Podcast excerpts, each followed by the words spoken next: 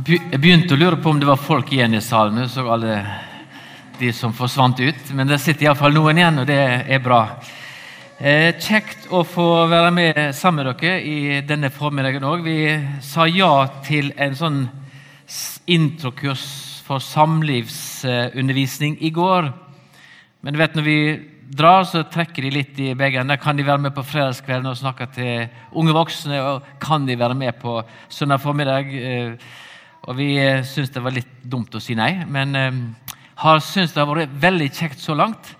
Og jeg fikk lov til å si noe både på fredagskvelden og Mona og meg var i Ilden i går ettermiddag. Det var 17 par som var på den samlingen. Det var veldig veldig fint å være sammen med dere der. Om noen av dere er her i dag formiddag òg, så syns iallfall vi det var veldig kjekt å være sammen i går. Og nå er vi her. Eh, vi eh, ja, Nå har de møtt Mona litt og vet litt hva vi driver på til vanlig, så jeg tror ikke jeg skal bruke så mye mer tid på å si hvem vi er og hva vi har gjort og hva vi gjør. Det tror jeg de fikk et godt inntrykk av gjennom det hun sa. Jeg har lyst vi skal, Før vi går på det som er dagens tema, har lyst fortsatt å be en bønn. Kjære Jesus, vi vender oss til deg igjen i påkallelsebønn og takker deg fordi vi får lov til å være dine. Du har kalt oss ved navn, og du har sagt at du har gitt oss din nåde, din frelse, din hellighet, din renhet. Du har gjort oss til det vi er. Herre Jesus, nå ber vi konkret inn i det som er tema. Vi ber for ordet vi skal dele sammen. Vi ber om eh, for oss som er her, og ber om at du ved din gode Hellige Ande må tale sannhet inn i våre liv. For ditt hellige navns skyld, Jesus. Amen. Temaet som eh, allerede ble presentert for, Guds intensjon for familie og samliv, var det som eh, jeg ble utfordra på å si litt om, og så var det sett i en sånn liten parentes under hva når ting går galt. Ehm, det blir nok hovedfokuset på å si noe om Guds plan og intensjon for familie og samliv. Ehm, og Når vi går inn i et sånt tema, så er det jo to ting som jeg kjenner på. Og Det er at jeg har stor frimodighet til å si noe om det. Men på den andre side er det et stor frimodighet fordi jeg vet at Gud tenkte det til det gode. Guds plan, visjon i utgangspunktet når han skaptes til mann og kvinne, var at det er godt. Men så vet jeg, og det er den andre siden som jeg kjenner på, hvor sårbart dette temaet er. Fordi vi lever i en fallen verden der ting går galt, der eh, samliv går i stykker. Og kanskje er det noen i salen som har erfart akkurat det. Og så vet vi, når vi skal snakke om disse tingene, det er sårbare, et sårbart tema vi tar opp. Men når det er sagt, så har jeg også lyst til å si at det, at det går i stykker, at det er ting som ikke er fullkomment lenger. Det må ikke ta ifra oss frimodigheten til å si noe om hva Gud hadde tenkt. Um, og Det skal vi gjøre i dag. Men det er en annen ting også som gjør dette utfordrende. Det er overfor deg som ufrivillig ikke er gift. For det er òg en god del som så inderlig skulle ønske det var gift, men som ikke, av ulike grunner ikke har kommet i den situasjonen. Og Da er det ofte vi i kristen sammenheng og kanskje utenfor òg kan komme i skade til å bruke ord og uttrykk som gir inntrykk av at den som er singel, ikke er et helt menneske. Stakkars deg. Jeg håper du finner en snart. Um, du er et helt menneske, du er et integrert menneske. Du er like verdifull. Og det er lett å si, men eh, jeg hadde lyst til likevel å si det når vi skal gå inn i dette temaet. Jeg håper ikke du kjenner deg ekskludert av det vi skal snakke om, men inkludert. Og Kanskje i kristen sammenheng så trenger vi i langt større grad enn det vi har vært flinke til før, å snakke om det kristne fellesskapet som vår store familie, der ikke det er bare ektepar som hører hjemme, men alle. enten en er gift eller ikke gift, gammel eller ung, så hører vi med til Guds familie. Og Det kan være fine ord som vi sier, men hvis vi ser både Jesus og ikke minst Paulus, når han snakker om dette fellesskapet, så snakker han om brødre og søstre. Og Jesus sier vi syns han er nesten litt kald i møte med sine, sin mor og sine søsken.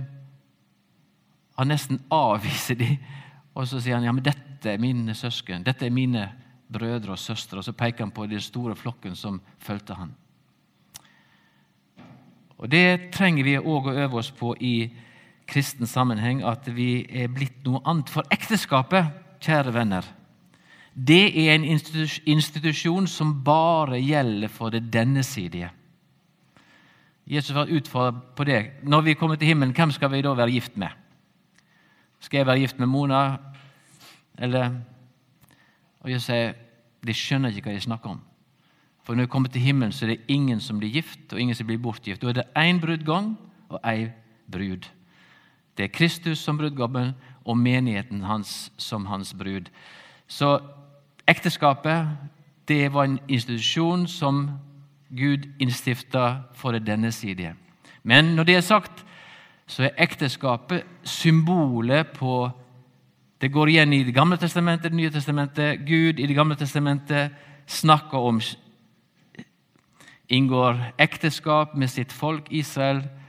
Han snakker om skilsmisse, han snakker om gjengifte med sitt folk. Og Jesus er jo i Det nye testamentet brudgommen og vi hans brud. Ok, Vi skal lese det som jeg har fått oppgitt som tekst. Um, og Det er fra Markus 10, 1-12. Og det står det slik i Jesu navn. Så tok han ut derifra og kom til Judea og til landet bortenfor Jordan. Folket samla seg atter om han, omkring han, og han underviste dem slik han hadde for vane. Da kom det noen fariseere og spurte han, har en mann lov til å skilje seg fra kona si? De ville sette ham på prøve. Hva bå fikk de av Moses, sa Jesus. De svarer, Moses har gitt mann lov til å skrive skilsmissebrev og sende henne fra seg. Da sa han til dem, for, fordi harde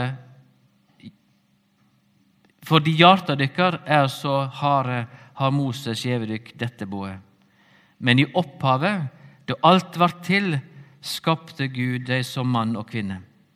Derfor skal mannen forlate far sin og mor si og holde fast ved si kvinne. Og de to skal være én kropp. Så er det ikke lenger to, det er én kropp. Og det som Gud har bundet sammen, skal ikke mennesket skilje. Da de var kommet i huset, spurte læresvennene han om dette. Han sa til dem, Den som skiller seg fra kona si og gifter seg med ei anna, gjør seg skyldig i ekteskapsbrudd mot den første. Og om ei kvinne skiller seg fra mannen sin og gifter seg med en annen, bryter hun ekteskapet. Teksten som eh, er satt opp, den tar oss inn i en oppheta teologisk debatt på Jesu tid. Det var to retninger. Det var en konservativ retning innenfor farisismen, og så var det en litt mer liberal retning. Og Vi kan si det intet nytt under solen. Det er vel sånn i dag, selv om vi ikke snakker om fariseere, men teologiske retninger, så er det konservativ og liberal. Så det er ikke noe nytt. Og det de diskuterte eh, disse to skoleretningene innen fariserbevegelsen, det var hvordan de skulle tolke 5. Mosebok 24.1. For der står det Det kan hende at en mann har tatt ei kvinne til ekte, men ikke lenger ser på henne med velvilje fordi han har funnet noe usømelig hos henne. Han skriver et skilsmissebrev, gjev henne det og sender henne fra seg eller bort fra huset.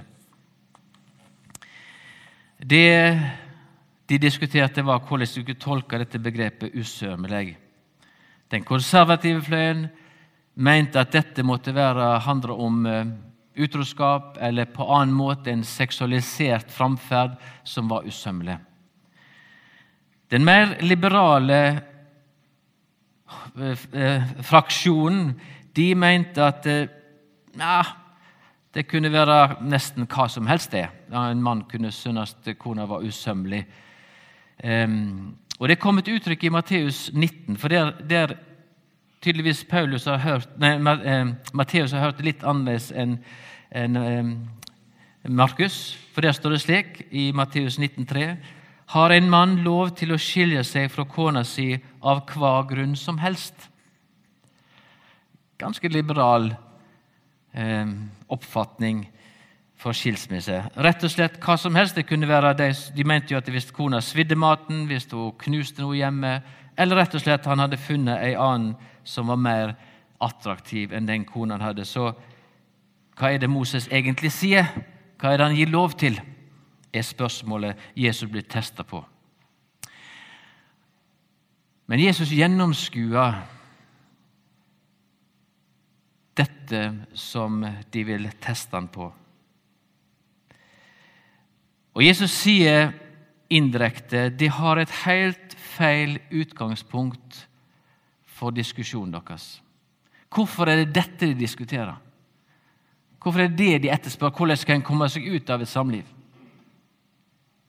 Hva rett har jeg til å skille meg? Hvorfor stiller ikke heller spørsmålet hva var det Gud tenkte når han skapte mann og kvinne. Og når han sier etter han har skapt alt Han så, og alt var såre vel. Hvorfor etterspør de ikke mer? Hva var det Gud ville? Hva var hans visjon, hans tanker? Hvorfor er det ikke det de diskuterer? Nå legger jeg til masse, men jeg føler det er det Jesus sier til dem. Og Derfor er det så viktig, det temaet som vi tar opp. Hva var det Gud tenkte? Og Jesus sier at grunn, skjønner de ikke at grunnen til at Gud motvillig gir dere rett til denne veien ut, er fordi det har så harde hjerte. Problemet er dere. Ser de ikke det? Syndefall er en konsekvens, er en, en konkret situasjon. Vi er alle der. Og Gud gir denne muligheten fordi han møter så harde hjerte i møte med sin gode vilje. Det er ikke Guds aktive vilje at vi skal skilles, men han tillater det, sier Guds ord. Og så er det Jesus prøver å ta de med tilbake til det som var ifra opphavet. og Det er det vi skal gjøre i fortsettelsen. Og Jeg har lyst til å trekke fram to ting som kan si noe om hva var det Gud tenkte. Hvordan var det i Guds bilde? Selv om det er umulig for meg å vite 100% så er det likevel noe i det erfarte liv vi har, og den tjeneste vi står i, og det som mange har sett, som vitner om at Gud hadde en kjempestor plan. Gud hadde en utrolig viktig visjon for det samlivet mellom mann og kvinne. Og Det første jeg har lyst til å peke på, det er det som Mona snakket litt om, relasjonen mellom oss som foreldre og våre barn. Um, i den relasjonen så vil, kan vi ane noe av Guds skapertanke. For det første at vi har fått evnen til reproduksjon.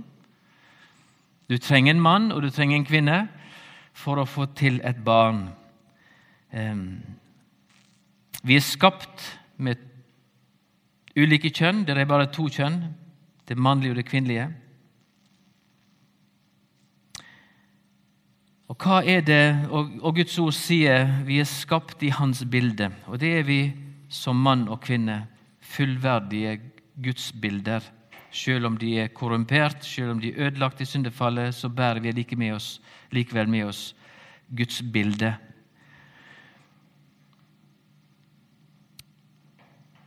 Men når mann og kvinne forenes og blir én kropp og Det uttrykket som er brukt på hebraisk for denne enheten, er brukt det samme som å lime to ting sammen. Det blir limt sammen. Og alle vet at det som er limt sammen, skal en prøve å rive det ifra hverandre, så er det noe som går i stykker. Og de barna vi får, hvis Gud velsigner oss med barn, hva er det som skjer når barnet kommer til verden? Ja, før barnet kommer til verden, så begynner en speiling i sine foreldre. Og Gud tenkte at dette bildet, mann og kvinne sammen, limt sammen i enhet, utgjør òg et gudsbilde i denne verden. Som barnet speiler seg i. Og jeg tenker Gud må ha i sin kreativitet tenkt fantastisk oppgave jeg gir til mennesket. De skal få lov til å være med å prege neste generasjon. De skal få lov til å speile seg i sine foreldre, og skal de se meg. Det tror jeg var Guds intensjon og Guds store visjon. At det ikke bare er to mennesker som finner sammen, og som dyrker hverandre eller dyrker seg sjøl i den relasjonen, men det er et oppdrag vi har fått. Være med og prege neste generasjon. Og Dette bekrefter vitenskapen. For det som har lest psykologi, så vet jeg noe som heter tilknytningspsykologi. Og Den forteller oss veldig mye om denne speilingen. Når den er god, hva det fører til av gode ting inn i et barns liv. Men det forteller oss også veldig mye om hva som går galt når mor og far brytes opp ifra hverandre. Og hvor vondt det gjør for de som bryter ifra hverandre, men òg veldig godt, veldig vondt for, for barna som er i dette fellesskapet. Sånn er det blitt etter syndefallet. Og dessverre altfor mange som opplever det. Men det var ikke sånn Gud hadde tenkt fra starten av. Gud tenkte det til det gode. Gud tenkte at vi skulle få være med i hans skapertanke, i hans skapervilje, og skape et nytt liv, skape et nytt en ny person, trygg person, sunn person. Våre barn har en biologisk arv ifra oss, men vi har òg overført, på godt og ondt, det som gjelder relasjonen mellom mann og kvinne. Magnus Malm sier det slik at vi er skapt i Guds bilde, men de fleste andre bilder har vi fra våre foreldre. Vi lærer barna. De kopierer oss. Vi lærer dem hvordan vi snakker sammen. Vi lærer dem hvordan, hva følelser som er greie å ha, hva følelser som ikke er greie å ha. Og kanskje flere enn meg, spesielt når du blir litt eldre, så begynner du å oppdage Oi, nå, var jeg litt lik min far. eller nå var jeg litt lik min mor. Her, oi, jeg har egentlig tenkt at jeg ikke skulle bli som de, men akkurat i denne den situasjonen så har jeg jeg har blitt kopi av mine foreldre. Kanskje flere enn meg som har vært i den situasjonen. Det sier noe om Det er, det er noen si, sånn, indikatorer på at det var noe Gud ville. Men at det har gått feil pga. syndefallet, det må vi òg erkjenne. Det er ingen av oss som er perfekte foreldre. Det er ingen av oss som kan slå oss på brystet og si at se på oss, vi har fått dette til fullkomment. Vi er alle i samme båt fordi vi alle merker av syndefallets konsekvenser. Um, derfor så heter det ofte, og hvis det som har lest litt litteratur om familieliv, vet at uh, i noen sammenhenger så står det at den beste gave vi kan gi våre barn, det er å elske vår ektefelle. Å være god med vår ektefelle, det er den beste gave vi kan gi våre barn, for barn ser. Barn speiler seg i de voksne. Hvordan snakker vi sammen? Hvordan respekterer vi hverandre? Hva gjør vi, og hva gjør vi ikke? Er barn lærer barn. Og Derfor står det også i noe litteratur det fins ikke vanskelige barn, bare uforstandige voksne. Det kan vi òg ta med oss. Eh, og si noe om at eh, ja, vi, vi trenger å hjelpe hverandre på dette feltet.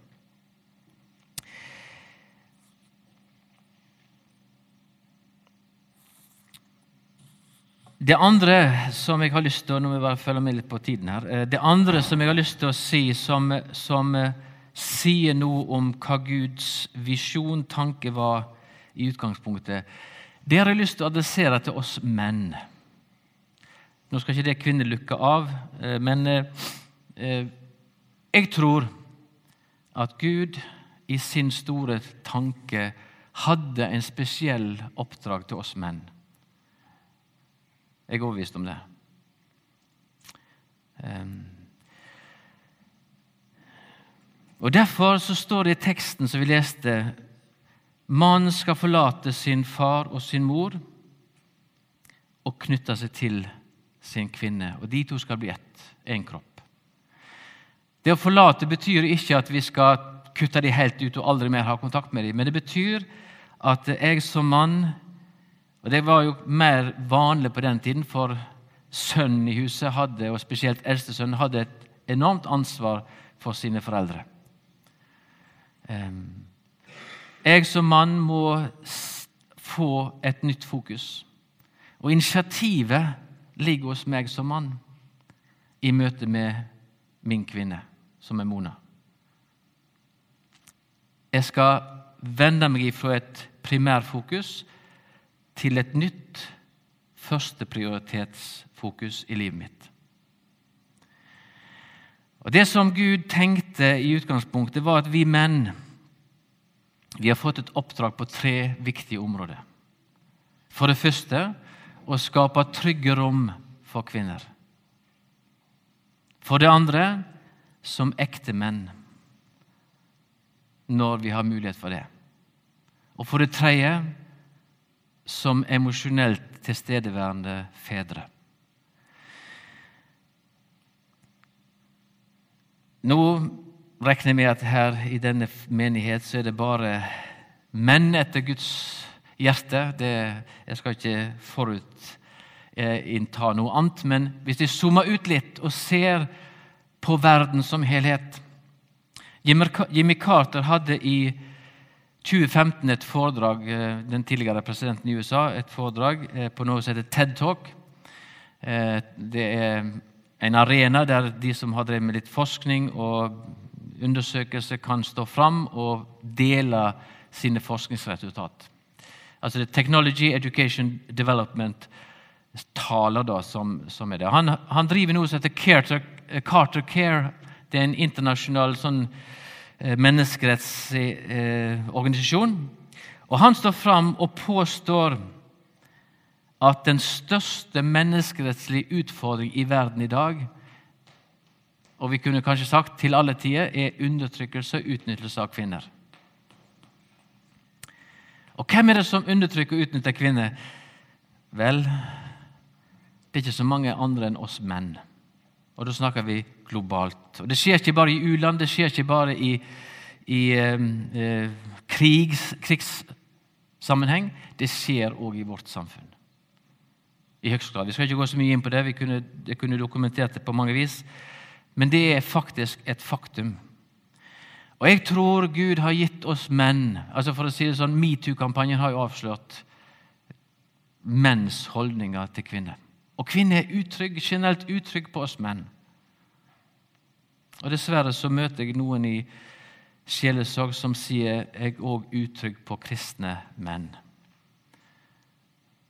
Vi har fått et oppdrag som menn å skape trygge rom for kvinner. De skal kjenne det trygt å være sammen med oss. De skal kjenne at det er godt å være sammen med en mann, og ikke utrygt. Det andre som Gud tenkte, og nå er vi inne i samlivet mellom mann og kvinne, er at vi skal være tilstedeværende menn for våre kvinner. I går hadde vi samlivskurs, og vi introduserte forskningen til John Gottman. en profan som har forska i 40 år på samliv, over 3000 par. Og konklusjonen og det som de kommer fram til, som var en overraskelse for dem, var at det, det gode samliv er det mannen som sitter på nøkkelen til. Kanskje menn her som vil protestere høyt og si det altså 40 års forskning og 3000 par dokumenterer at det er vi menn som sitter på nøkkelen til det gode samliv. Jeg skal gi dere en kjapp Jeg skal forklare hvorfor. Fordi han sier den mann som ser og bekrefter sin kone, sin brud, vil skape et grunnlag for en respons som vi dypest sett lengter etter som menn. Vi vil bli respektert. Og jeg tenker hva er det Bibelen forteller oss? Hva er det Paulus for eksempel, skriver? Han sier at eh, det menn skal elske kvinnen deres som Kristus elsker menigheten. Og Hvordan var det Kristus elsker menigheten? Der setter han standarden kjempehøyt. Jo, Kristus elsker først. Jeg elsker fordi han elsker meg først. Og Så sier forskningen at sånn fungerer det i denne verden. Og Da tenker jeg i mitt hode var det det Gud tenkte når han skapte oss til mann og kvinne og ga mannen en spesiell posisjon? Du skal elske først. Dessverre så er det altfor mange menn som springer ifra det og aldri har forstått sin rolle som ektemann på det feltet. Kristus hadde en ubetinga kjærlighet. Det er det jeg må strekke meg imot òg, som mann. Og Det siste, Vi kunne snakket mye om dette, men det, det er derfor vi har samlivskurs. og Det er derfor vi ønsker, jeg, det ligger meg på hjertet å si noe til menn. For det siste punktet, og der kjenner jeg at jeg gråter mange ganger inni hjertet mitt. For kanskje over 90% av de jeg snakker med, savner en far. Emosjonelt tilstedeværende far. Og igjen, for å vise etter Gottmann sin forskning, han har forska på det og anbefaler en bok som heter 'Foreldrehjerte', som tar, tar, opp dette. Fars rolle for både gutt og jente i familien er ekstremt viktig. Og For dere som hører på populærmusikk, ikke alltid på kristen, kristen sang Det er som heter Ina Wroldsen fra Sandefjord. Kanskje noen kjenner henne. Synger en sang som heter 'Strongest'. Der hun skildrer en mann og en kvinne som har fått en sønn, men der mannen stikker av fordi at eh, ja, han mister følelser for henne når sønnen kom. Det er ikke en mann etter Guds hjerte. En mann etter Guds hjerte finner vi i Skriften. Og er det som Gud tenkte, og som Gud lengter etter, og som vi skal få lov til å strekke oss imot, i den erkjennelse av at det er ingen av oss som klarer dette fullt ut. Og for noen av oss, eller av det er mange, så går det galt. Og hva da? Og Da har jeg lyst til å peke til slutt på det som Mona så vidt var inne på. I det kristne fellesskapet så har det kanskje ofte blitt sånn at når livet går i stykker på ulike plan, om det er samliv eller annet, så, så trekker vi oss ut. Nei, nå passer ikke jeg inn. Nå er ikke jeg en del av det gode fellesskapet. Se på alle barna her, det er jo så flotte familier. Mens jeg har det gått i stykker for. Jeg drømmer òg om, og det tror jeg jeg deler med visjonen for denne menigheten her, at det å få være i et kristent fellesskap, det å få være i et nådefellesskap jeg trenger nåde. Du trenger nåde. Og vi trenger å hjelpe hverandre i dette i det daglige. For det er ingen av oss som får dette til 100 Men vi kan støtte hverandre, vi kan oppmuntre hverandre, og så må vi aldri gi av syne eller slippe tak i det som er Guds tankevisjon. Samtidig så jeg erkjenner at jeg lever i en fallen verden. Mitt harde hjerte er der og ditt harde hjerte er der. Men Gud kaller oss igjen og igjen inn i sin nåde til gjenopprettelse og det å ha mennesker rundt seg som tør å stå sammen med meg også når livet går i stykker, er gull verdt. Skal vi be. Herre Jesus, jeg har lyst til å igjen få lov til å takke deg for eh, at du skapte alle ting vel. Du hadde gode tanker. Og takk for at du aldri har gitt opp din visjon og din plan. Og takk for at du sendte Jesus Kristus for å gjenopprette det som synd har ødelagt. Herre Jesus, nå ber vi om at vi i det daglige kan få lov til å kjenne at du ved ditt ord og ved din ånd trekker oss inn i din nærhet, inn i ditt lys. Og Så ber vi om at alle de stemmer og alle de krefter i denne verden som vil trekke oss bort ifra deg, som vil rive i stykker det som du har forent. Kjære Jesus, vi ber ditt navn at du bryter det. At vi kan få lov til å bygge gode menigheter der alle er inkludert. Men òg gode familiestrukturer der vi lærer å elske og ære hverandre slik som du hadde tenkt. Og så ber jeg òg konkret for oss menn at vi virkelig kan bli menn etter ditt hjerte, Gud. Amen.